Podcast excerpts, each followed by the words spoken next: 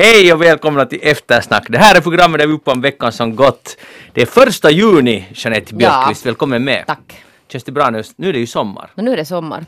Vi Det, hoppas det att har inte sommar, alls varit i maj. sommarvärmen håller i sig. Ja, fantastiskt. Har du hunnit vara i solen sen senast? Äh, vänta, det är en vecka sedan och några gånger. Nej. Man kan läsa, ser du, sån här research i solen också. Visste du det? Det visste jag. Ja, man Det- kan skriva utomhus också. Det visste jag också. Mm. Så bör man göra. Maria Waström är inkallad idag som sidekick. Jordbrukare och journalist. Välkommen med. Tackar. Du är inte så nöjd med solen eller hur? Alltså jag är nog nöjd med solen men jag skulle också vilja ha regn. Mm. Eh, Det, det ena utesluter inte det andra så att säga. Om jag skulle få önska eh, sådär av vädergudarna så gärna några dygns, eh, nej några nätters vackert sommarregn nu sådär. Ja, En jag tid tror- framöver. Inte för mycket alltså. Ja, nog ganska mycket. ja. Jag tror Maria att du skulle ha folket med dig i det här. Jag tror det också ja. faktiskt för en gångs skull. Det, är inte så ofta som Jag tror att du skulle ha igelkottarna och ekorrarna med dig. Precis, också det. Men jag tänkte faktiskt när jag har just hört att, att också, det, det är också jättesynd om igelkottarna. Så tänkte jag på dig, att kanske då, nu tycker jag nog säkert också Jeanette att det börjar vara dags för lite regn. Ja. Mm. Vi har fått alltså såna här uppdrag att, att gå och placera ut sådana här små fat med vatten åt igelkottarna. Och jag såg ett sånt i Tölö igår. Och, och kanske det kommer flera idag. Mm. Vad fint. Det är bra att också ni stadsbor får liksom känna på det här med, Ja. med vädrets makter. Ja. Ja. Jag tittade faktiskt på dig i morse. Uh, när stiger du upp vanligtvis? Idag hade jag sovmorgon, jag sov ända till halv sju. Halv sju på morgonen? Ja. Det var så. Det var, På morgonen. Nå, hej, då steg jag upp, då steg jag upp tidigare än dig och det var därför jag tänkte på det. För jag, jag var i, befann mig i norra Savolax och så satt jag på radion och där hade de ett inslag de hade diskuterat att hur det är att jobba liksom morgonskift, att stiga upp jättetidigt på morgonen. Och så var det att några stiger upp fem och några stiger upp sex och, och sen kan man sen sova andra veckan om man har liksom skiftesarbete eller något sånt. Ja. Och så ringde det, eller nej, så hade det, det hade ringt in en upprörd jordbrukare, för det är ändå jordbrukarregion det här då. Ja. Att vad, är, vad är det ni håller på med? Att det finns faktiskt en yrkesgrupp som stiger upp alltid klockan fem och slutar tidigast klockan åtta. Aha. Och det, och det är jordbrukare. Att, att, att Ah. Ni lever i sån lyx ni, ni moderna savolaxare. Och då tänkte jag på Ah. dig. Att Vet du att jag, st- jag stiger aldrig upp klockan fem? Inte. Nej, men nog klockan sex. Men det har inte heller egentligen Men om man har- om man har att kossor då måste man väl no, stiga Det är sant, ja, det, det är nog lite annat. Men, men det där...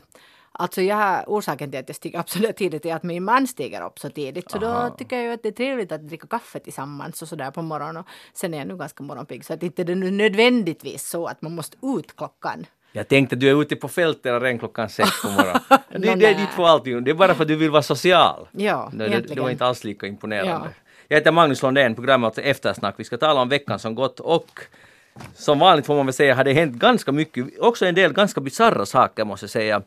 Därför att vi lever i en bisarr värld, Jeanette. Eh, men vi börjar med det är inte minst bisarra men också en liten bisarr twist. Just nu sitter grundlagsutskottet, eh, riksdagens grundlagsutskott bakom stängda dörrar och svenska YLE, liksom alla andra mediehus, står bakom en stängd dörr, låst dörr och rapporterar. Till exempel nu senaste svenska YLE rapporterar klockan 15.00 Fortfarande ser journalisterna som flockas i korridoren endast en stängd dörr till grundlagsutskottets mötesrum. Men 15.05 har dörren öppnats på nytt. Har den öppnats på nytt? Centerns Asmo Manselka kommit ut i korridoren och passat på att ge en intervju om hur han ser på det här.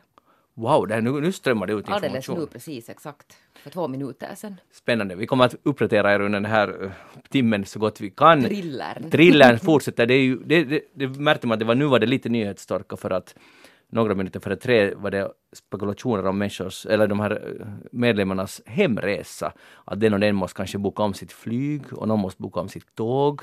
Och, och hur ska det nu gå? Och så andra stora problem. Det där Men vet du hur frustrerande jag har alltså stått någon gång bakom sådana här lyckta dörrar och människor har väntat på att få något besked och det händer ingenting och det är inte så enkelt det där att stå där och Och rapportera när ingenting händer. Nej men ändå tycker jag det, det, det är väldigt tråkigt. Men inte nu synd om dig nu för det här. Nej, inte alls. Nej, nej, det sa jag inte heller. Men jag Nej, menar sådär du. när du lite häcklar nu att vad, de, vad, det, vad det liksom Inte häcklar jag. Jag men- tycker mer att det är, liksom, det är en fantastisk teater. Ja. Att det är på något sätt, det är lite intressant. Och, och då, när de kom ut, de hade plenum var det klockan 13, ja. Så kom de ut och då var det ganska lömskt för de här medlemmarna, jag såg på Hesaris feed då, som var med bild, så kom de här eh, medlemmarna i grundlagsutskottet kom ut och alla i tur och ordning och det var jättetrångt och, och alla sa att ordförande uttalade sig. Och, och då vänt, förväntar man sig att ordföranden ska komma ut genom samma dörr. Men! Precis som i stora världen gick hon ut genom en annan dörr och så var det någon journalist som hojtade att här är hon. Så joggade de här journalisterna, man fick faktiskt se springande journalister, vilket är ganska ovanligt, genom korridoren anfodda och fick tag i henne just när hon försökte smita ut. Och tyvärr för Annika Lapintie så funkar inte hissen i riksdagen. Så hon tryckte och tryckte på den knappen, kom inte bort därifrån och så fick de sin intervju. Tyvärr så sa hon ju då ingenting förutom att den, det utlåtandet blir färdigt när det blir färdigt. Det var inte mer. Och nu vet vi inte, är det klockan 16, klockan 17 eller senare? Och så gjorde bland annat Hesari och alla andra stor grej på det här att det blir färdigt när det blir färdigt. För det var det enda som fanns att rapportera. Men är ni nervösa för sådant, Maria? Uh, Ursäkta vårdreformen. Ja, ja, faktiskt lite nog. Vad vill du att det ska bli? Uh, no, det är ju det som är det besvärliga. Att, att jag tycker att det är nu så mycket osäkerhetsmoment här att jag tycker att, att de kanske borde ta ett steg tillbaka och, och fundera igen på nytt. För nu, jag, jag tror inte att det blir riktigt så bra nu det här. Men nu gör ju grundlagsutskottet detta för oss. För de är ju faktiskt ganska kunniga på det här. Jo, ibland känns det, känns det som den sista vettiga församlingen i den här republiken när det gäller lagstiftning. Uh, för de bromsade ju redan en gång tidigare den här reformen, lyckligtvis. Och så fick de stryk för det för att det där, Ja. för att de bromsade. Ja, de får ju inte alltså agera, de får ju inte göra partipolitik i, i grundlagsutskottet. Ja. Nu för tiden så anses väl äh, grundlagsutskottet av många, åtminstone politiker, som någon slags sån här Bromskloss. bromskloss. Ja, Så, så lite som precis. grundlagen. Ja, precis. Att det här är nu lite här i vägen nu för våra, våra nya reformer. Mm. Att måste ni nu komma hit och bestämma. Ja, men jag, jag håller jag tycker att du, du sa det så bra Maria. Nu, nu lite mindre hossande och det är hur den här regeringen borde hossa mindre. Och det här är nu, det blir intressant. Jag har också den här känslan, men det är, den är så komplicerad den här reformen. Och det, och det enda man hör är experter som uttalar sig ganska negativt om det. Att vilka Ja. man kommer inte spara så mycket pengar som det påstås. Det kommer bli sämre och de här vårdjättarna blir ännu större, vilket jag tycker inte är en bra utveckling heller. Nej, det är nog oroväckande. Och det finns allt möjligt som man nog kan vara tveksam till. Och, och ändå så ska det forceras och forceras förstås för att de vill få det gjort. Ja, det är inte så hemskt länge till val igen så att Jeanette, hur tror du att det går? Jag det där tror på något sätt nog att, att de kommer att komma fram till att den inte går kanske ändå heller som sån här. Och det här är bara alltså en sån här känsla jag har. Jag tror att det kommer att komma Eller att någonting kommer där att komma som, som fortfarande är alltså problematiskt. Jag tror att det kommer att komma ett mellanting. Det kommer att komma det här, det här och det här måste åtgärdas. Ja. Och då kommer det vara olika tolkningar. Hinner man åtgärda det, hinner man inte. Men då kommer ju re- regeringen att säga att det här fixar vi. Det bör bli lite mer tajt men vi fixar det här. För jag tror inte de kommer att säga att det här måste allting göras på nytt. För de har ju redan en gång gett utlåtande om det här. Så, så det är onekligen ganska spännande. Men det har hänt an, andra saker. Och jag måste ta upp den här veckans mest bisarra nyheter som jag känner i alla fall till. Arkadij Babchenko, eh, rysk journalist i numera eller han har flyttat till Ukraina via några andra länder men nu bor han där sedan 2017 tror jag. Ja, han blev då mördad men det var då ett fake-mord. Det var en teater. Han blev mördad och alltså hela medievärlden alltså var i chock. Det gick en sån här våg av chock och, Ja. och det kom ju alla nekrologer och utspel om den här. Skjuten i ryggen tre gånger när han skulle gå och köpa bröd på morgonen. Uh, han var blodig och, och det fanns kulskotthål i hans Och så skjorta. dog han då på vägen till sjukhuset. Precis. Allt det här var då en bluff som de flesta väl nu känner till. Det var säkerhetstjänsten i Ukraina som gjorde det här för de måste göra så för att få fast de verkliga förövarna som hade planerat att mörda honom och då har de anklagat Ryssland och ryska säkerhetstjänsten för det här utan nu att ge väl något hemskt mycket bevis överhuvudtaget. Vad tycker du Jeanette om det här med den här metoden? Nå, det är ju en jättemisslyckad metod. Och det, där, och det ökar ju inte på något sätt trovärdigheten för Ukraina. Men vad skulle ni själva ha gjort i mitt ställe? frågade Och Babchenko kanske inte, TV-kameran. kanske inte där fejka. Jag vet inte sen hans egen roll här, att har han nu på, på riktigt alltså vilseletts att tro att det här är nödvändigt. Det vet jag alltså inte. Men det är, ju, det är ju en otrolig show. Alltså man måste tänka, de har ju varit nöjda. De, har, de, de, de är ju alldeles förvånade nu när alla är så kritiska mot det här. Och de är lite sådär sårade att uh, skulle ni hellre vilja att han skulle ha dött? Men det som jag inte, eller jag, jag tycker inte det har gett sån information ännu att var det det enda alternativet, man dör eller man fejkar ett, att man dör? Fanns det liksom ingenting annat däremellan? Uh, för så har det, så har det framställts. Ja. Det här var det enda alternativet med grisblod och allting. Som skulle... Ja, precis. Jag, jag slogs också av tanken att, att tänk om de alltså blev lite väl så här uh, carried away som man säger Mm. på svenska. Att alltså de drogs med i det här, att det var ändå så pass samtidigt fascinerande att, att göra det här. Uh, att de på något sätt i, förivrar sig helt enkelt.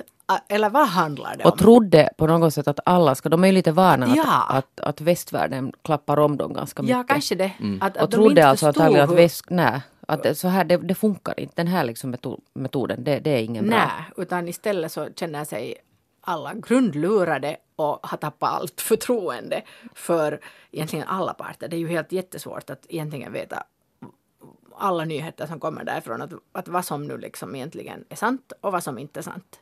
Ja, det här har ju Ryssland väl passat på också att utnyttja. Nu kan de liksom jo, jag bra ifrågasätta en massa av här, för det är ju ett faktum att det har dött journalister. Mm. Alltså Putin-kritiska journalister. Det, det är liksom... Och nu glöms det bort sen. Nej, exakt. Mm.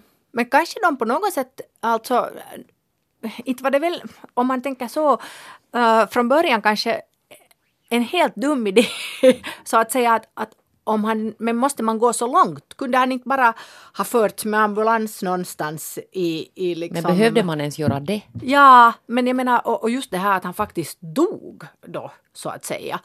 Att, och var det inte alltså så att hans fru också? Hans fru kände inte till det här? Jo, men hon, jo, hon lär nog ska ha känt Ja. till det sen ändå, fast han bad ju om ursäkt det, var, först. det var konstigt men, Men hon var med nog. hon var med hon, hon var med om det. Och hans närmaste visste det också. Men uh, ja, uh, eftersom det inte finns information så tycker jag inte man kunde förklara varför det måste göra så här. Och, och sen om man tar det lite on the lighter note så kan man tänka, kan jag förstå de här ukrainska säkerhetstjänsterna? Det är lite som att ordna en, en så kallad, så kallad poltare när man vill lura sina kompisar. Att, att, att försöka få ihop allt att stämma. Okej, vi måste ha ambulanspersonal där, vi måste Ja. ha det här grisblodet. Alltså det är jätteroligt att ordna sånt här. Tyvärr är det här blodigt allvar här.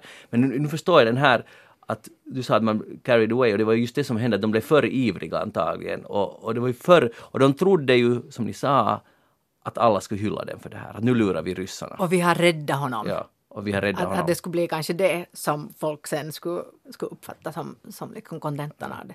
Men att nu är det ju ro, roligt att lura folk. Alltså nu, nu finns det en, en stor charm i det. Alltså helt på allvarligt talat. Men har alltså någon det där, för att jag har, jag har läst sådär semi mycket om det här. Men på vilket sätt alltså krävdes det ett fejkat mord för att få fast den här? Ja, nej, det, det- har- det de, det, är jättevagt, vem har de gripit en eller två personer? Men varför? Det, det är det som är det Ja, och jag stora är, alltså det där, mysteriet. jag är ju alltså då professor i kriminologi eftersom jag tittar Ja. jättemycket på, alltså, på såna här krimserier. Och det här Vad, vad, vad, vad skrev du för doktorsavhandling? Ja, alltså nå vet du, det, den, den liksom är under arbete. Okej, Jag är ah, docent, ah, men du blir ändå professor. Professor och docent och allt möjligt. Nej men förstår ni att, att, det där, att, att, att jag är ganska van att, att hitta sådana här. Mm. Så men det här, här är något som inte jag, alltså jag får inte tag i den här, den här idén. Nej, sen kom det fram någonstans i någon sändning att det är behov av goda nyheter rent internt i Ukraina. Att de vill visa att de, de, de står nog upp, upp mot ryssen. Man blir mördad och sen Aha. överlever man. Ja, det är en god nyhet. Det är en definition på god nyhet. Men äh, här kommer säkert komma fram någonting ännu, men det är lite klumpigt och jag, och jag, jag skulle nog säga att, att förtroendet för Ukrainas säkerhetstjänst har kanske aldrig varit så hög och inte steg det nu med det här heller, och inte har jag heller för den ryska. Men att tyvärr så på något sätt lyckades nu ryska knipa några poäng, PR-poäng på det här. Vilket är lite synd, men så gick det. Konstigt, konstiga grejs, vi får höra mer om det. Spaniens premiärminister har blivit avsatt. Uh, och det kommer ju antagligen bli val där så småningom. Det kanske inte är lika bisarrt som det andra, men där var det också korruption då, eller inte också, men det var korruption på tal om Ukraina då som, som fick uh, hans parti på fall. Och det är också ganska intressant, för att nu kommer det antagligen att ändra på Kataloniens, de här förhandlingarna med Katalonien. Igen, så allt kan ändra över en natt där nästan i, i Spanien. För att nu eh, Katalonien, de katalanska partierna stödde det här av, avsättningen av premiärministern så nu blir det socialisterna som tar över. Så där kan förändras allting. Samma händer i Italien, eller inte alls samma men en annan stor förändring. Det var ju också en fars nu den här veckan. Uh, först säger presidenten att han vägrar godkänna finansministern. Sen kastar de, sen ja då blir det nyval och alla är jätteupprörda och allt går åt pipan. Och sen ändå blir det en populistregering. Ändå Femstjärnerörelsen och Lega bildar regering och den här killen som skulle bli, bli det där finansminister, så det, dög han inte för, men han blev istället då Europaminister. Så det blir jättetrevliga förhandlingar säkert där med Europa. Men för Italien är EUs tredje största ekonomi. Läste ni så här med darrande underläpp de här nyheterna? Nå, inte kanske så, men att jag menar Italien har ju någon lång tradition av, av så här kaotisk uh, politik. Om man tänker, någonstans tycker jag att jag läste att, att var det på hundra år så hade de haft hundra uh, omkring hundra olika regeringar eller, eller något mm. sånt. Att det var alltså he, helt otroligt hur, hur kaotiskt det är. Mm. så att, att det, och definitivt inte något nytt Mm, jag, jag, jag är helt förbryllad alltså över hur det jag kan vara på det där sättet. Och jag är förbryllad över femstjärnerörelsen och Lega som i princip varandras fiender. Nu, nu sitter de i samma regering, båda eh, tävlar vid populism vem som är liksom värre. Och nu ska de tillsammans. Och det kommer, ego kommer inte träcka till för de här två partierna som regerar. Så på det tycker jag det det kan visa sig att det här är en riktigt bra metod om man inte tycker om de här partierna. Att det här kanske är bra, att nu får de försöka agera och fixa allt istället för att det ska gå via nyval, de ska få ett ännu mer understöd i någon sorts protest. Borde man skicka Juha Sipilä dit nu lite och hålla någon sån här konsultkurs i hur man gör det så här balanserat och utan att någon tar ut stora svängar. Att hur jo. man håller det här liksom i så att säga kasassa. tror, du, tror du att de skulle ens orka ha så mycket sån här mm, Han kan rita upp men han, han lär vara bra på det här att han ritar upp sådana här ingenjörs... Det är väl det han är känd för mm. i tiderna. Han ska ja. fara dit, vi skulle skicka ner honom som konsult dit. Månne hans karisma räcker de skulle, nej, men de skulle ju lugna ner sig när de skulle lyssna på honom en timme. De skulle somna. De skulle få den där, för det är ofta det med populister som har för mycket energi, de, de egentligen har, lider av sömnbrist. Ja. De skulle både få sova lite. Så det skulle kanske hjälpa på det, lugna ner situationen lite och inte vara så fruktansvärt arga hela tiden. Vi skulle kunna nog börja exportera lite av vårt finländska lugn och sans och sånt ja. Neråt. Och tråkighet. Och, tråkighet, ja, ja, och lite ja. ordning vet ni i leden också, det, det har han ju själv. Fast det är ju nog det som också kan driva en till vansinne i Finland, det är just ordningen. Men, men om man skulle ja, fördela det jämnare över Europa. Ja, det är just det. Vi kan sen ta lite mera känslostormar därifrån ja. kanske. Precis, för det skulle vara helt trevligt. Så, ja, Sibila dit och vi får lite sån här mera, ja, det här var ett ganska bra koncept. Uh, dessvärre tror jag inte att det kommer att ske. De skulle inte släppa honom in i samma rum, de skulle bara... Nej. Somna somna. Och vilket var avsikten i och för sig. Men uh, vi tar min snabba utrikesgenomgång fortsätter för sen måste vi tala om strafftullarna. Donald Trump uh, bästa vänner är naturligtvis Mexiko, Kanada, eller inte kanske Mexiko, men Kanada och EU och de ska då straffas med, för den här vänskapen med stål och aluminiumtullar och nu är de jätteöverraskade över att EU och Kanada tänker göra någonting tillbaka. Uh, det kan vara Jeanette att den, den där bourbonwhiskyn som du dricker varje fredag efter eftersnack att den blir dyrare nu om EUs strafftullar eller motåtgärder träder i kraft här om några veckor. Ja, så var det någon som också sa att det ska inte köras någon Mercedes, sådana här lyxbilar mera där i USA. USA, ja. Vad tycker du om handelskrig? Trump säger att, att handelskrig är lätt att vinna och, det, och de, de är bra. Jag tycker att det, är det, där, det visar på att han är en balanserad person än en gång. Mm. Men han, han, det är i tiden det här att, det där, att bråka. Men tänk alltså det att han bygger allt, hela hans koncept är ju, det är ju att härska genom att vara oförutsägbar. Det är hans metod så att säga. Och kaos. Jag satt just med en amerikansk... tänk, vänta, tänk vad han kan få till stånd. Alltså en person som är oför, oförutsägbar får det här allt till stånd. Ja, jag satt med en amerikansk journalist igår det där på, på kaffe. Hon pratade om just det här. Vi satt och hon började räkna sen sådär ganska snabbt att hur länge är det kvar ännu av hans... Att det är tyvärr han alltså bara inne på sitt andra år. Ja, och nu verkar han ha blivit liksom ännu friare. Som det skrevs här någonstans. De vuxna har stuckit hem och nu, nu är han ensam där och kan ingen kontro kontrollera honom alls mer. Så nu kan han göra vad han vill och det är så här han vill ha det. Så, så det kan bli ganska spännande tider. Han har, han har ju alltså två och ett halvt år kvar ännu. Maria. Ja, jag vill minnas att du i något skede slog mm. vad om att han skulle vara avsatt redan efter några månader. Du är skyldig ganska många, det var Hubba Bubba. ja, jag, jag förlorade, det var det. Så det small. Nu är det snart ett års jubileum till när jag ansåg att han borde ha avgått. Det växer ju ränta sen på den här tuggummi tuggummi den där lönen. Ja, men jag, jag betalar gärna det för, för sällan, eller inte alls sällan, men ibland förlorar man bara riktigt ordentligt. Så det här var en sån gång. Men vi får se. Uh, det är ju ännu möjligt att han blir avsatt, men jag tror inte det. Det kommer att alltså, fortsätta så här. Ja. Och, och, och, och, jag skulle säga att jag har helt vänt kappa men han kan helt bara bli omvald. Alltså det, det, kan hända så mycket på så kort tid att man har ingen aning. Det verkar ju nu som om, alltså Trump hyllar ju mera Nordkoreas ledare. Det beror på, det är lite Vilken olika vecka till vecka mm. ja. Men att, att han verkar vara åtminstone några dagar i veckan bättre kompis med dem än till exempel med EU och Kanada. Vilket är ganska speciellt. No, men ni, ni tror att det blir handelskrig då? No, vi hoppas ju att det inte blir, men det där... Ja, inte vet jag. Det, EU brukar ju vara ganska sådär sansat där. Sen är det just att när man ställer, sig, ställer igång med, med sådana faxer till exempel mot Ryssland eller, eller Alltså det finns Kina. ju nog en bestämdhet sen när man vill. Så, ja, ja, ja, men att, att man kanske inte så där ger tillbaka som ett litet barn eventuellt. Jag vet inte. Jag har för mig att man kanske tänker efter lite åtminstone här i EU innan man, mm. innan man drar igång med storsläggan.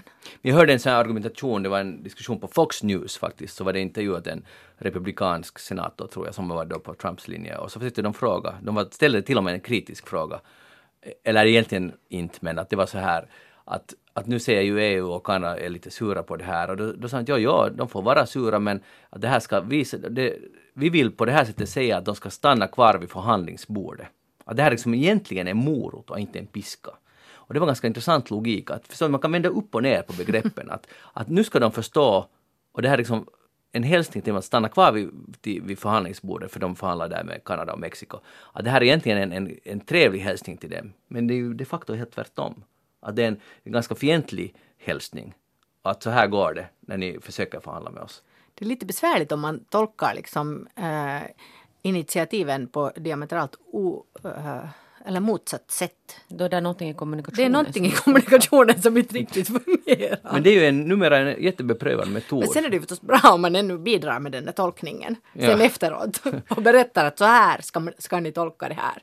Men det är så här, alltså, lite Orwell-aktigt att nog att, man, att saker betyder egentligen tvärtom än vad det betyder. Och det är så här, det här är ett jättebra exempel. Och så sitter man helt med pokeransikte och säger att så här är det. det här, så här ska man tolka den här saken. Det är egentligen liksom en vänlig hälsning. Fast det är fientligt. Det är eh, intressant. Hej Soini! Soini har varit i blåsväder för en, blogg, en bloggskrivelse plus att han har varit då i Kanada faktiskt på arbetsresa som utrikesminister och deltagit i någon sorts tillställning uh, mot abort. Det där, vad tycker ni, kan en utrikesminister göra så här. Han säger att det är hans fritid, också en utrikesminister har rätt till sin åsikt. Men nu var det ju det, det här vad jag tänkte på just när jag sa att Juha Sipilä är expert på att hålla ihop allting och släta över för att liksom hålla ihop allting. Och han har ju slätat över det här och sagt att det är självklart att det där att också ministrar som reser har rätt till privat tid. Alltså att, att han då har gjort det här, inte som utrikesminister utan som privatperson. Mm. Men det där, men sen blir ju frågan att, att kan han vara en privatperson på en sån här på en sån här tillställning. Dessutom har det visat sig att hans någon sån här medarbetare som har varit med där har alltså tweetat ut och uttryckligen sagt att han befinner sig med utrikesminister Soini på denna tillställning. Alltså som, som är alltså i kontrast med eh, Finlands officiella linje. Ja, ja och, och, och, jag menar det här själva bloggen också så inte, inte kan man ju då tänka sig att det är någon sån privat, å, privat åsikt som, inte, som han inte skriver som utrikesminister utan som privata Soini.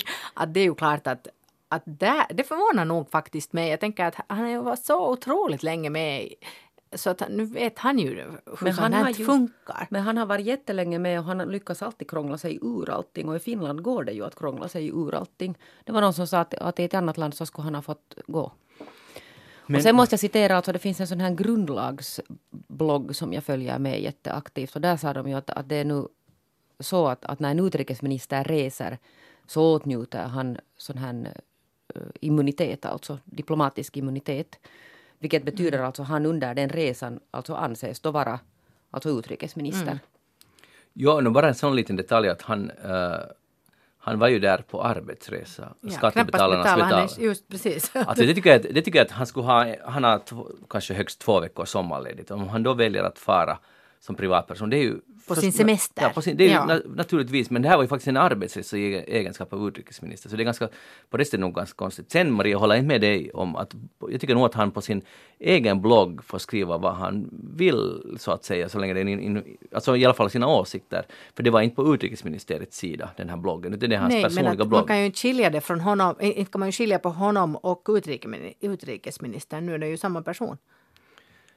Ja, men jag tycker ändå att man- en blogg som man har, att han måste få driva den politik, det, om det nu är en samvetsfråga för honom eller vad, han, vad man nu vill kalla det, så nu måste han ju få kunna stå för den åsikten på sin blogg. Men jag tycker att det är en helt annan sak att han är på en arbetsresa och går med i någon tillställning mot... Ja, det, är, två- det är lite olika saker. No, nu kan det hända, men att nu tycker jag nog att om utrikesministern uttalar sig i en politisk fråga så inte är det nu bara vem som helst som ut, uttalar sig. Inte så där som att jag uttalar mig åtminstone.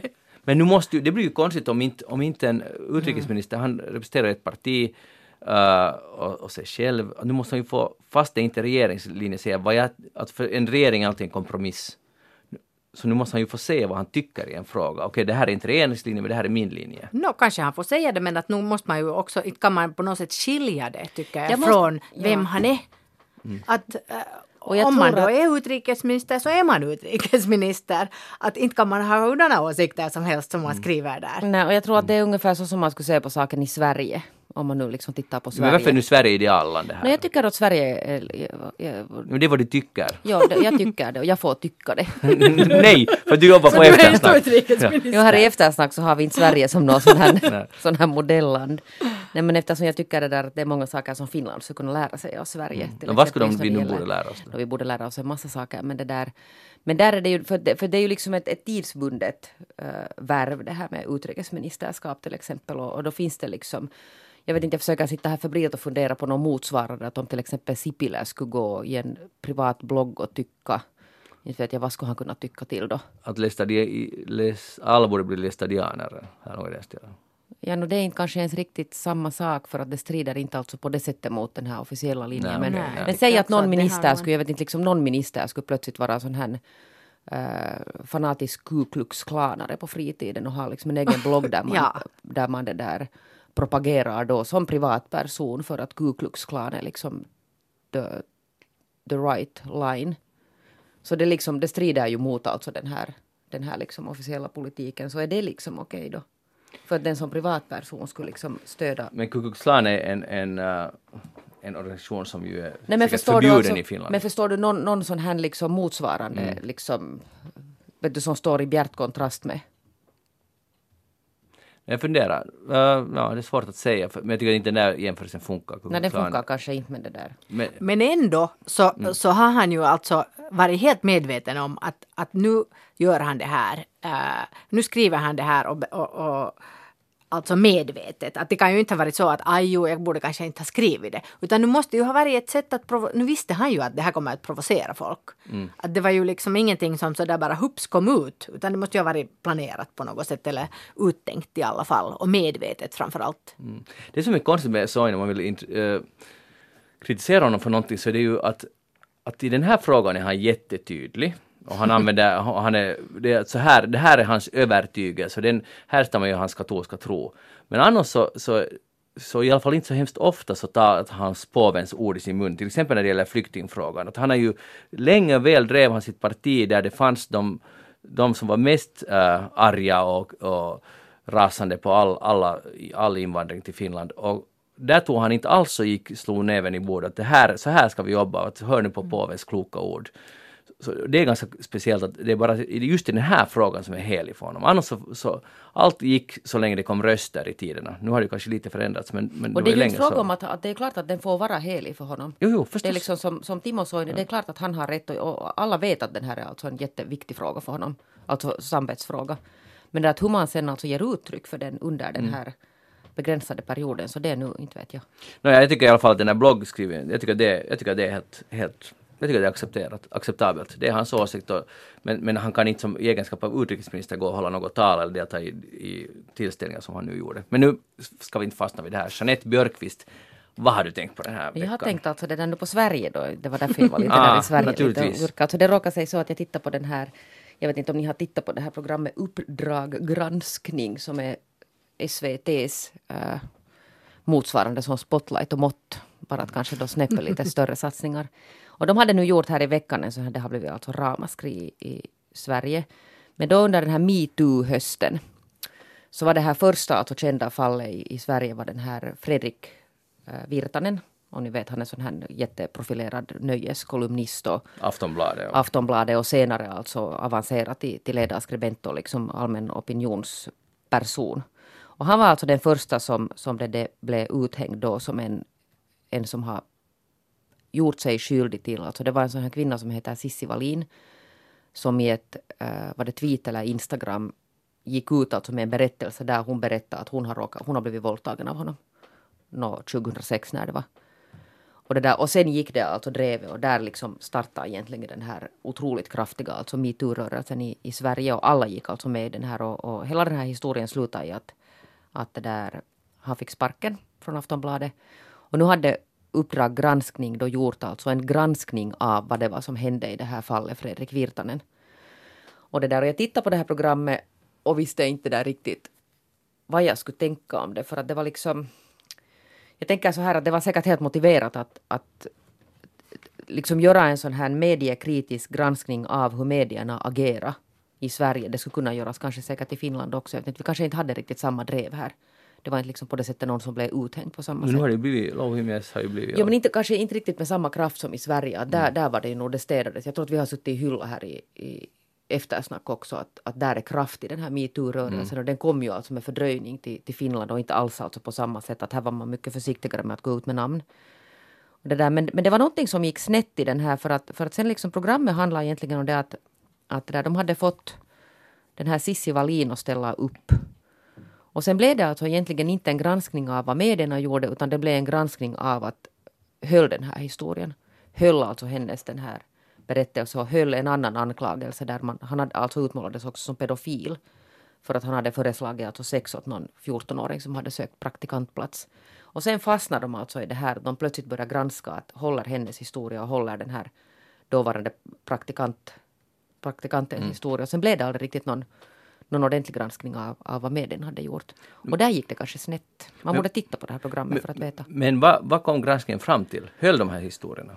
Är de så att säga sanna? Alltså det, det kom egentligen inte fram till, alltså, till någonting. Att de, alltså det blev ganska mycket det här att man ifrågasatte detaljer i hur har Sissi Wallin enligt en förunder, nedlagd alltså förundersökning betett sig efter den här, den här då påstådda våldtäkten. Och sen blev hon alltså egentligen mera så där satt på pottan att, att tänkte hon alls på hans familj när hon gick ut med den här, den här, den här då metoo-hösten. Om och sen- hon har blivit det våldtagen liksom- behöver hon kanske nu det Nej, och, det blev liksom, på. och det blev lite fel sådär att, att det, det blev liksom fel fokus på personerna där. Men, men i och för sig alltså jättesakligt att, att fundera på vad metoo-hösten, jag tror att det hände en, en massa alltså överslag. Jag säger inte att, att just den här. Men, men det är ju bra om man skulle be, bevaka drevet i Sverige för det, ju, det kan vara ganska, Det är hårt. bara ganska, det är väldigt brutalt. Och, och, och där finns inte så hemskt mycket mänsklighet kvar sen. Att alla journalister tänker på ett sätt och så krossas ju enskilda Och människor. alla går med alltså, det är ju Ja. en enorm kraft alltså. I, alltså, det verkar som ingen kan tänka själv i det, i, i det skedet Och sen är det väldigt liksom så personcentrerat, att det är Ja. just enskilda personer som Ja. hamnar i blåsten. Och, och, och, eller hamnar i blåsten är väl i och för sig helt okej, men om man liksom krossar dem så då har man kanske redan gått över någon slags tröskel. Vi har ju inte riktigt, alltså, vi har ju haft någon sån här små drev i, i Finland men det är ju inte alls alltså samma kraft som de här svenska dreven. Men det är ju en, en del kvinnliga ministrar som har råkat ut för drev. i Ja, de har, och, alltså den riksvenska dreven hörde till det fegaste som finns. Alltså det, har ju varit, det är inte någon ny tradition, det har ju funnits länge i Sverige. Och när, när den kommer igång så det är häpnadsväckande hur liksom när tåget rusar på, i, alla slutar tänka själva. Och det blir sån här smal, smal korridor, åsiktskorridor. Det finns, man kan inte göra någonting sen mer. Och då, då, för de här människorna som är utsatta, så det är ju bara att försvinna eller gå under jorden. Jag tycker att det här var en helt viktig, alltså sådär som man säkert kan sådär reflektera över i sitt eget huvud.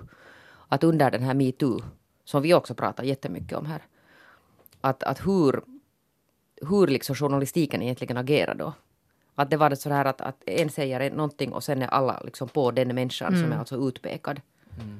Men sen å andra sidan, om man, om man har blivit våldtagen så inte det är ens ansvar att måste fundera på, om, om Nej, jag utgår från att det är sant det här. Nej, absolut inte. Och jag tycker att jag menar, hon, hon gick ut med det här, men att hur, hur agerar alltså mediakåren sen? Att man, blir alltså, man blir åklagare och domare och liksom allting där i, i en och samma.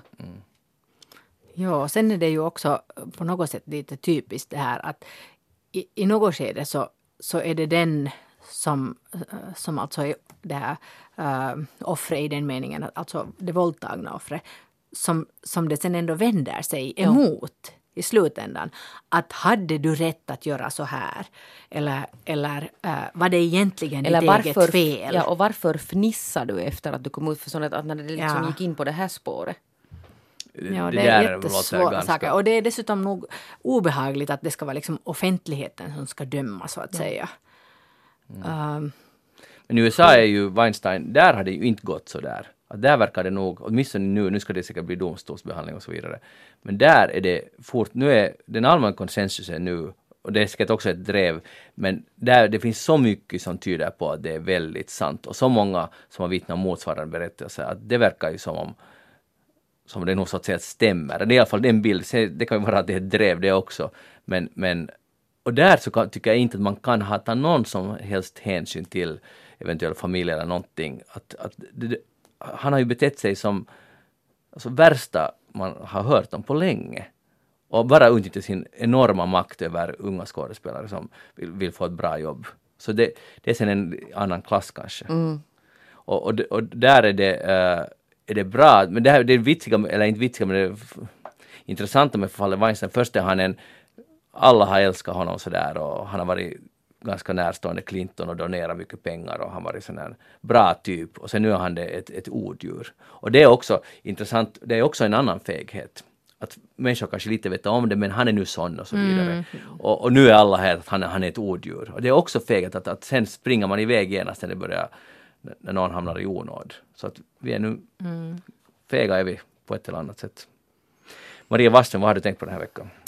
Hör du, ja, nå, jag vill ju nu inte kanske säga att jag nu har hela veckan har gått omkring och funderat på det, men det var faktiskt så att jag äh, hade en äh, diskussion med min son när vi tittade på gamla foton och jag hittade en, en bild av en bankbil. Äh, är, är bankbilar bekanta för er?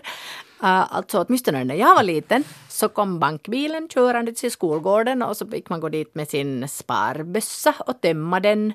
Och i mitt fall var det dessutom min morbror som körde den här bankbilen. Och, och det där, ja alltså satt man ju in då några mark vad man hade i, i den där spargrisen och, och ja, det var det. Och så pratade vi eh, då med den här sonen om det här och han förstod inte alls att, att vad är det här med bankbil. Och, och då började jag fundera att, att tänk så otroligt mycket saker som har förändrats under, då, i mitt fall, min livstid. Att det finns liksom ingenting kvar. Det fanns också butiksbilar, kommer Finns ihåg. inte butiksbilar mera? Nå ja, kanske, jo, nu finns det på vissa ställen, men att, och, och, kanske någonstans ute i skärgården eller så.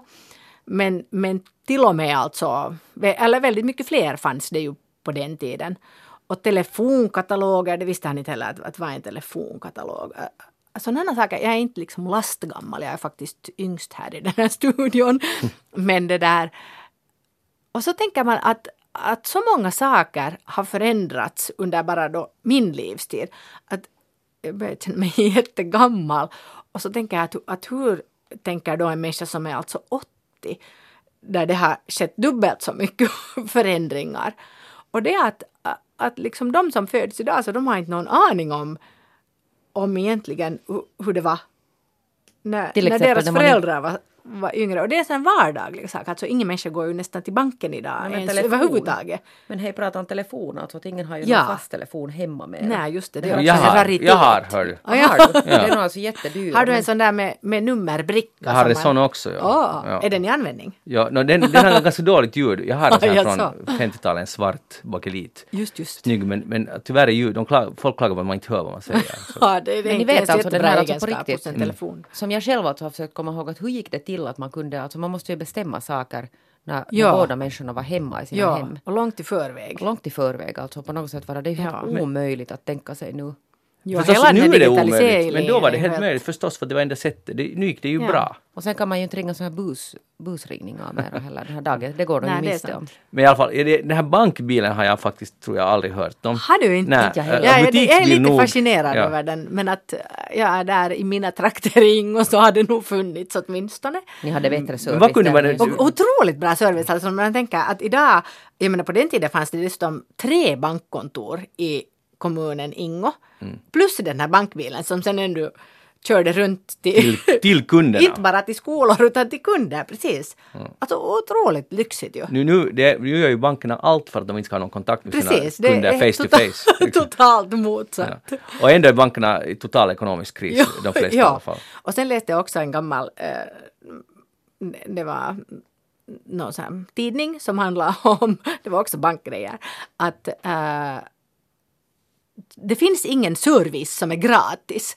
Och så tänkte jag att, ah, att den här debatten tycks föras fortfarande nu 35 år senare. Men, Men uh, ännu med den där bank... För de, på den tiden var det ju den trevliga tiden när bankerna inte sålde fondandelar och, Nej, det. och försökte sälja försäkringar och det ena och det andra. What not. Så, vad gjorde man annat där än se- för sin spargris? Hur kunde det löna sig? Alltså jag kan inte, var det det att de det fick så mycket höga ränta? Det Ja, var, det var det, ränta. det var ju alltså, det kommer jag också ihåg att det var ju alltså 15 procent räntor, 17 kanske. Det var ju helt otroligt höga räntor i något skede. 15, 17, ja, det låter ganska... Ja, men okej, de, de, de levde på det, det, men...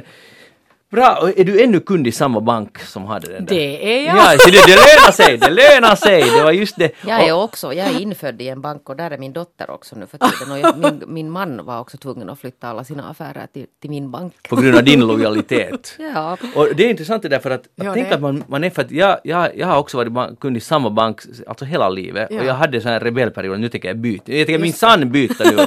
Men jag, jag fick det aldrig gjort. Uh, Ja. Allt annat har jag bytt så jag tycker det är bra, man måste lite liksom ifrågasätta sådana och, och, och, och vad heter det, konkurrensutsätta och lite. Men banken jag inte, jag kom inte hela vägen. Ja, Men intressant. för att det här bankkontoret eller bank, banken, så på, när jag gick i skola så, så hade de en sån här lektion, den här, min bank, och höll en lektion om, om hur man ska spara som ungdom. Just det. och det var, okej. Och, och, vet Och du hur- gärna i vår bank. Ja, och det slutade med att alla fick ett bankkonto och en bankbok med 10 mark insatt. Och jag har ofta tänkt att, skolan. att, tänka att hur kunde det vara lagligt? Alltså att muta i Ja. princip skolelever, komma till grundskolan, hej här får ni lite fyrka av oss.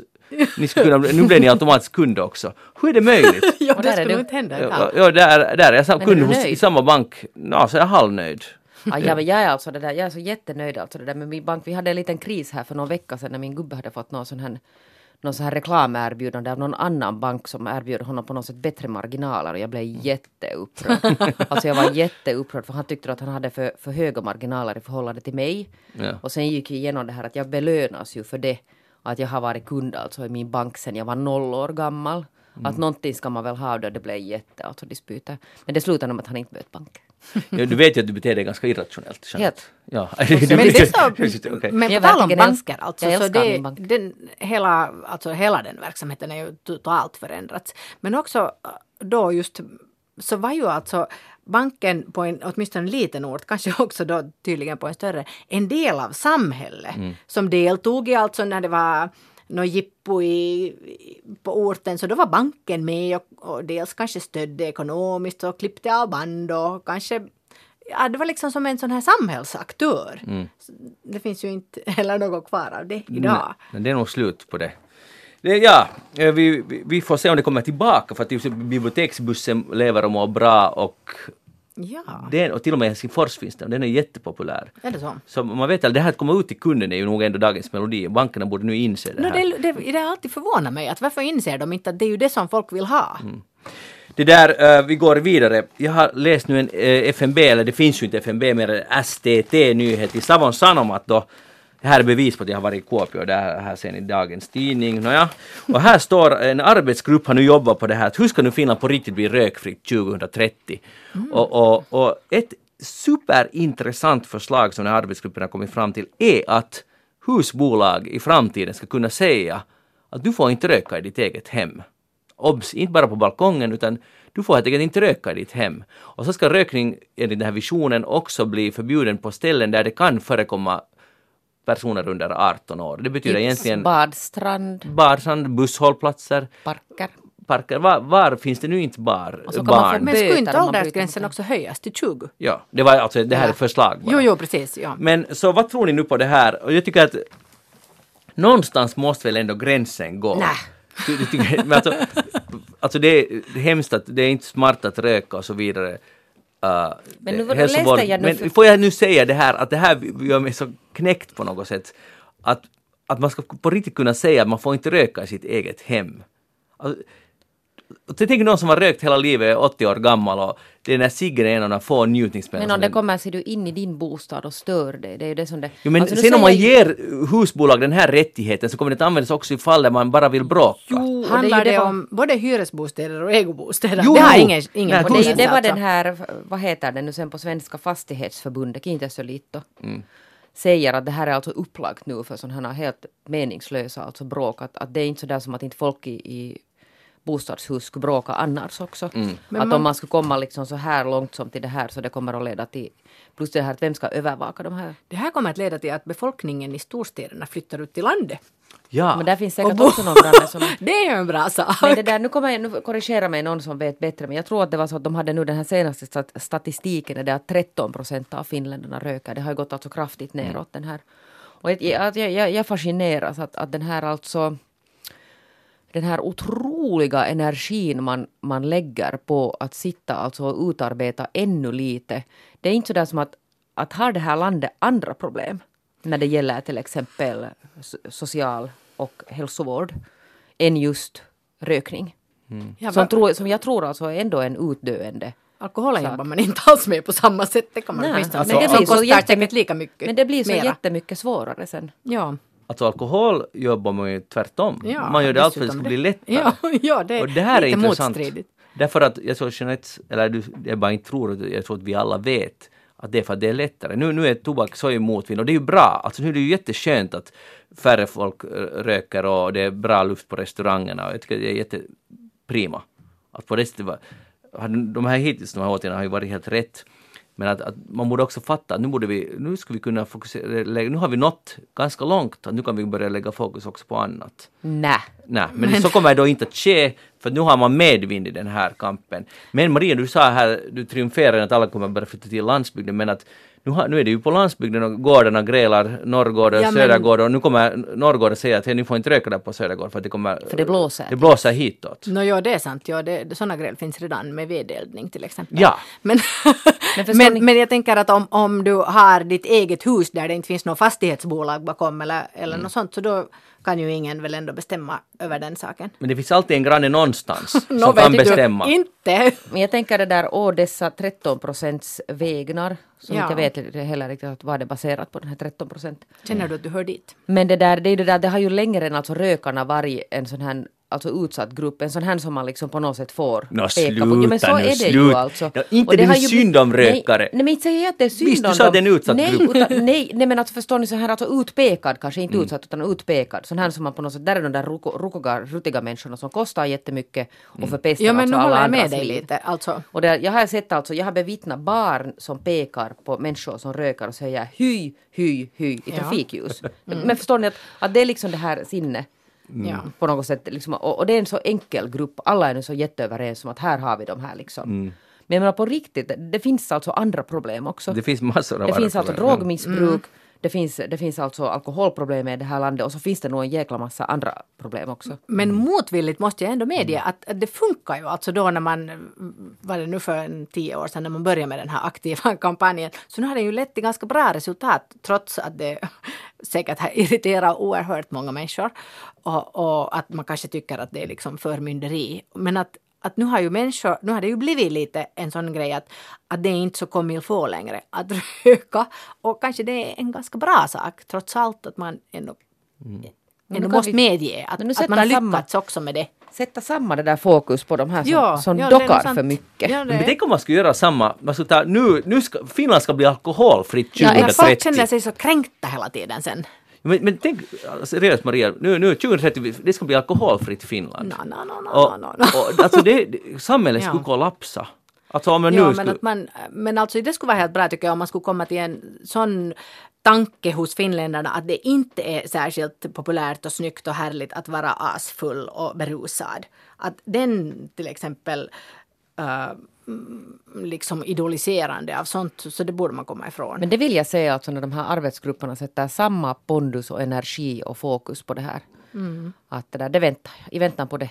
Ja, håll inte andan, Jeanette. Nej. Håll inte andan. Hej, uh, i Svenska Dagbladet så har de en etikettexpert som heter Sofia Larsson. Och det där, man får ställa frågor precis som, som i Dagens Nyheter hade aj, aj. Magdalena Ribbing hade ju tidigare i varmt minne bevarat och, bevarad och så vidare. Men i alla fall, uh, nu har en man ställt en fråga som jag tycker är ganska intressant. För han, han undrar så här att, uh, att får han, att hans fru är jätteirriterad på honom när han gäspar hemma och inte döljer gäspningen med handen. Utan han, Det här är alltså en etikettexpert som ska svara Ja. på det vad en människa gör hemma. Jo, men nu ska du lyssna färdigt. Och det där, och då, eh, och han, han är jättestörd att är det faktiskt så att jag inte får gäspa i mitt hem? och det där, alltså utan att dölja det här. Och hans fru är jättesur på honom för att hon tycker att hon, tar, hon blir kränkt på något att han har så tråkigt i hemmet, vilket han kanske har. Det är ju helt möjligt att, han, att de har det tråkigt där i, i sitt hem. I alla fall, uh, nu, Sofia Larsson tyck, skriver så här hon avslutar så här. Jag tycker nog att bland nära och kära behöver man inte hålla handen för munnen om det inte faller sig naturligt för en. Familjemedlemmar bör känna sig så pass bekväma med varandra att de inte behöver lägga på det lager av civiliserad fernissa men- som används i offentligheten. Men självklart är det viktigt att respektera ens partners önskningar också. Och sen kommer hon till det här klimaxet, crescendon här i slutet. I ditt fall kanske det bästa för husfriden ändå är att anpassa dig och börja dölja dina gäspningar. Nej men vet du, alltså, Ja. jag känner hur Ribbing roterar i sin grav. Ja.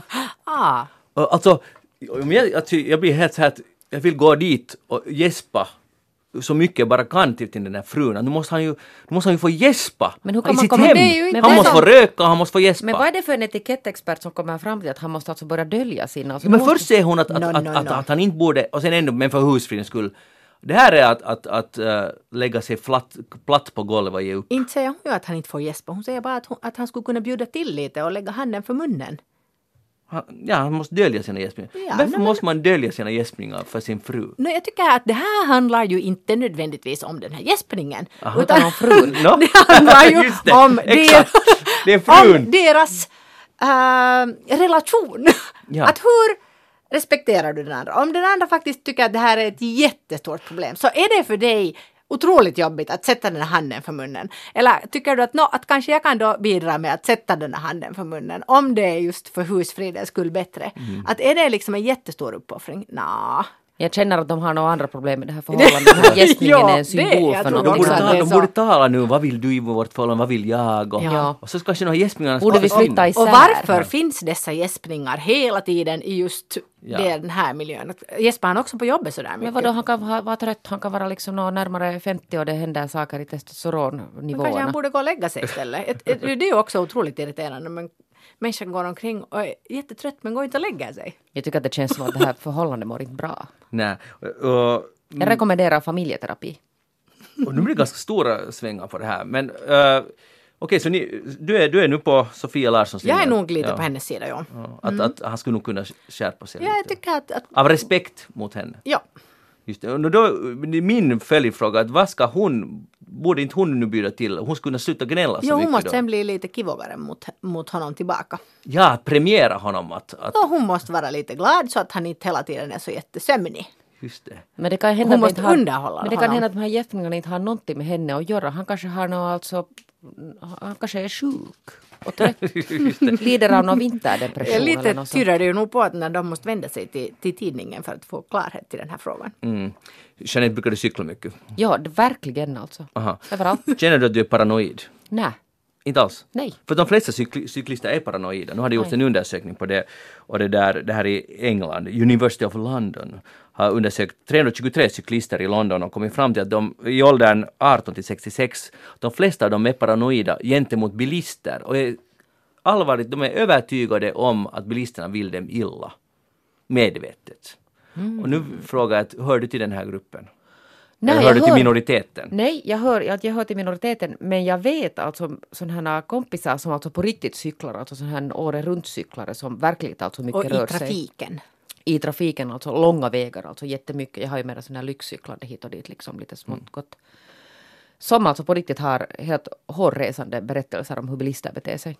Ja, det finns säkert hur mycket belägg som helst Det var ju en som dog till exempel när han blev överkörd. Ja, ja, men nu är frågan, det är ändå rel- relativt ovanligt med dödsfall. Det händer och det finns ju många bilister som inte, och det finns också cyklister som inte kan bete sig. Men det, det som jag tycker är intressant är det här att man lever i någon så ständig skräck och övertygelse om att någon vill en illa. För det kan inte vara så bra för ens hälsa. Nej.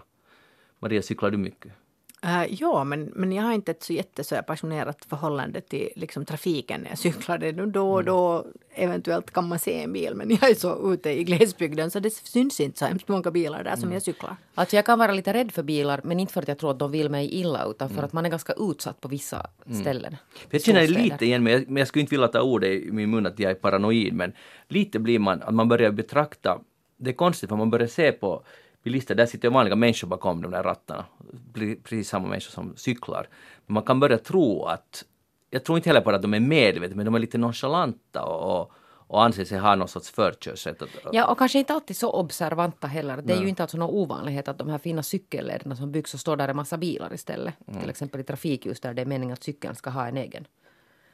Men eh, jag tänker att eh, det är kanske lite annorlunda om man också kör bil. Att om, då är det svårt att vara paranoid uh, gentemot bilar om man själv oftast också är en bilist. Det är det bästa, att man är allt, man är fotgängare, Man är cyklist. Ja, men Ja. ja. nu är det, för då har man ju mer Ja. förståelse. Just det. Och Det gäller i allt i livet, Maria. Så är det. Hej, äh, s- äh, grundlagsutskottet sitter fortfarande i möte men de har meddelat att de ska ha en presskonferens om, ja, om 15 minuter, om en kvart, om 16 minuter. Jeanette Björkqvist, alltså man darrar ju av spänning. Hur ska det gå? För regering kanske faller, regering faller inte. Nästa fredag kommer vi veta svaret på det. Kanske vi har haft nyval, hunnit, med den här nuvarande takten i politiken ska, har det kanske varit nyval redan före nästa fredag. Jeanette Björkqvist, tack för att du var med idag, det var härligt. Ja, Och Maria Wasslund, tack för att du var med. Uh, ni ska e-posta oss på eftersnacksnabelayle.fi om ni har några åsikter om det vi har tyckt till om eller annars bara vill dela med er av någonting roligt. Eller gå in på vår Facebook-sida, facebook.com eftersnack och tyck till. Äh, nästa fredag är vi tillbaka igen ähm, med nya äh, spännande gäster och Johan Hellman har varit vår tekniker idag. Vi tackar för det. Utan en tekniker, inget eftersnacks som vi numera säger och vet, fast vi har vetat det redan i 13 år. Så här är det, vi hörs igen om en vecka. Ha det bra, hej då!